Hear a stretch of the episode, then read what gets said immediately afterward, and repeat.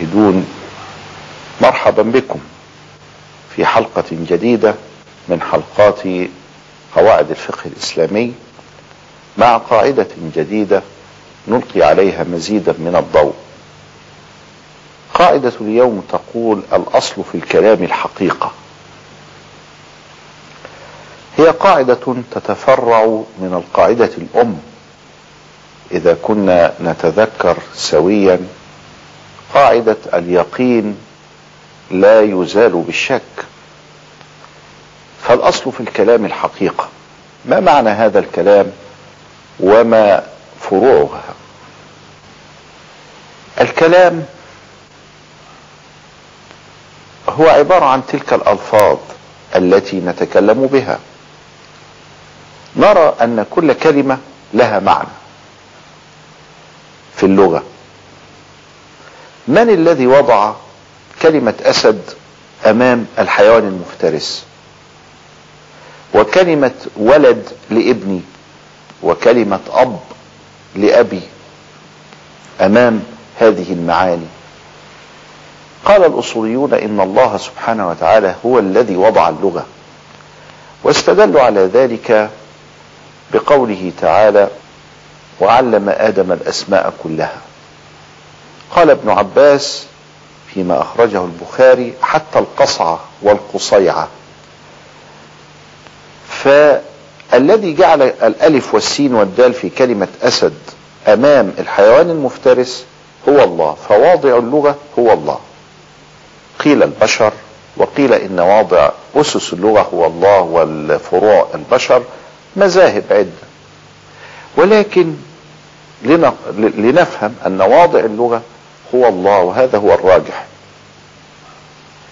إذا استعملت اللفظ فيما وضع له أي استعملت كلمة أسد في الدلالة على الحيوان المفترس هذا الاستعمال نسميه حقيقة.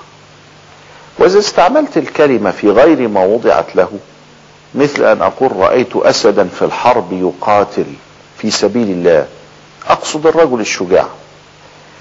إذا أنا هنا أستعمل الكلمة في غير ما وضعت له ونسمي هذا الاستعمال المجاز. الكلام إذا فيه حقيقة وفيه مجاز. لو تكلم الإنسان كلاما فالشرع يحمله على الحقيقة أولا. إذا كان هناك تردد بين الحقيقة وبين المجاز فالشرع يحمله على الحقيقة أولا. فالأصل في الكلام الحقيقة. لنضرب على ذلك أمثلة من فروع تلك القاعدة المهمة. إذا وقف على أولاده قال هذا الوقف هذا البستان إراده على أولادي لا يدخل فيهم الأحفاد لأن الأولاد في اللغة على الطبقة الأولى. الطبقة الثانية أولاد الأولاد يطلق عليهم أولاد مجازا ويطلق عليهم حقيقة أحفاد. فعندما كتب في في الوقفية هذا موقوف على الأولاد إذا الحقيقة تقتضي قصر هذا الوقف على الطبقة الأولى من أولاده ولا يدخل فيهم الأحفاد. مثلا لو حلف شخص ألا يبيع أو لا يشتري أو لا يضرب ابنه أو تلميذه للتأديب ف فما معنى البيع؟ وش... هو لما يقول والله لا أبيع والله لا أشتري. حقيقة هذا التركيب في لغة العرب على أنه يقوم هو بنفسه بالبيع وبالشراء أو بالضرب أو بأي فعل من الأفعال. صاحبنا وكل غيره في ذلك وكل غيره في البيع وكل غيره في الشراء وكل غيره في التأديب. إذا هل يحنث؟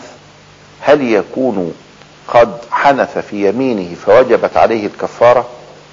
قالوا الأصل في الكلام الحقيقة فعندما حلف أن لا يبيع وأن لا يشتري وأن لا يضرب ابنه فإنه يقصد الحقيقة يقصد أن يتم ذلك بنفسه. ولذلك فإننا نحكم عليه بعدم الحنث إذا ما وكل شخصا آخر.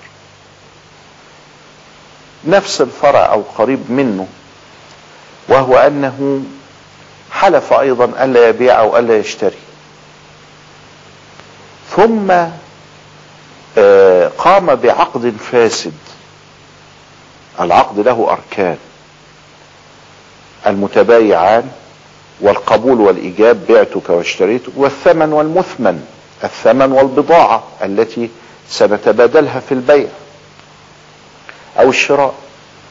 لو اختل ركن من هذه الأركان الثلاثة إجمالا الستة تفصيلا فإنه يكون بيعا أو شراء فاسدا.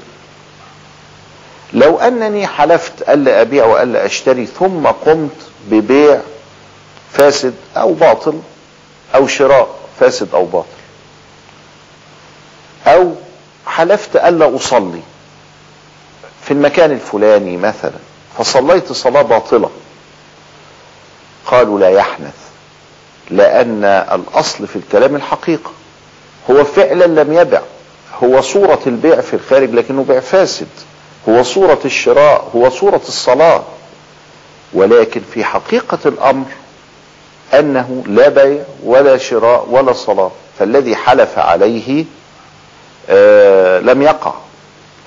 هو حلف على ألا يبيع. حقيقة هذا البيع الصحيح. والبيع الصحيح لم يقع بل وقع فاسدا. وعلى ذلك فلا يحنث ولا نطالبه بالكفارة. لماذا؟ لأنه آه لأن الأصل في الكلام الحقيقة. ومثل هذا. لو قال مثلا آه أنا أوصي أو أوقف هذا المال على ورثة زيد. وزيد ما زال حيا. اذا فهذه هذا الوقف باطل لا يجوز. لأن آه ورثة زيد تطلق حقيقة على الباقين المستحقين للميراث من زيد بعد وفاة زيد. زيد لم يمت بعد.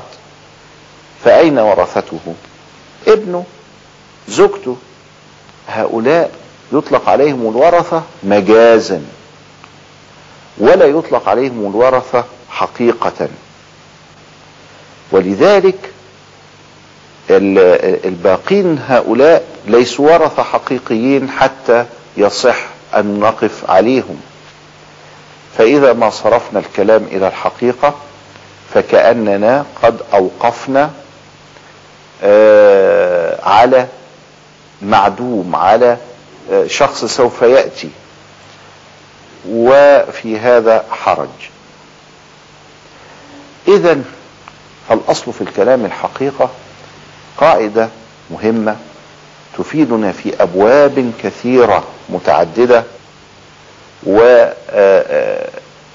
وتجعلنا نتأمل ونتدبر بدقة في استعمال ألفاظنا خاصة تلك الألفاظ التي يترتب عليها حقوق وواجبات وعقود وأشياء من هذا القبيل.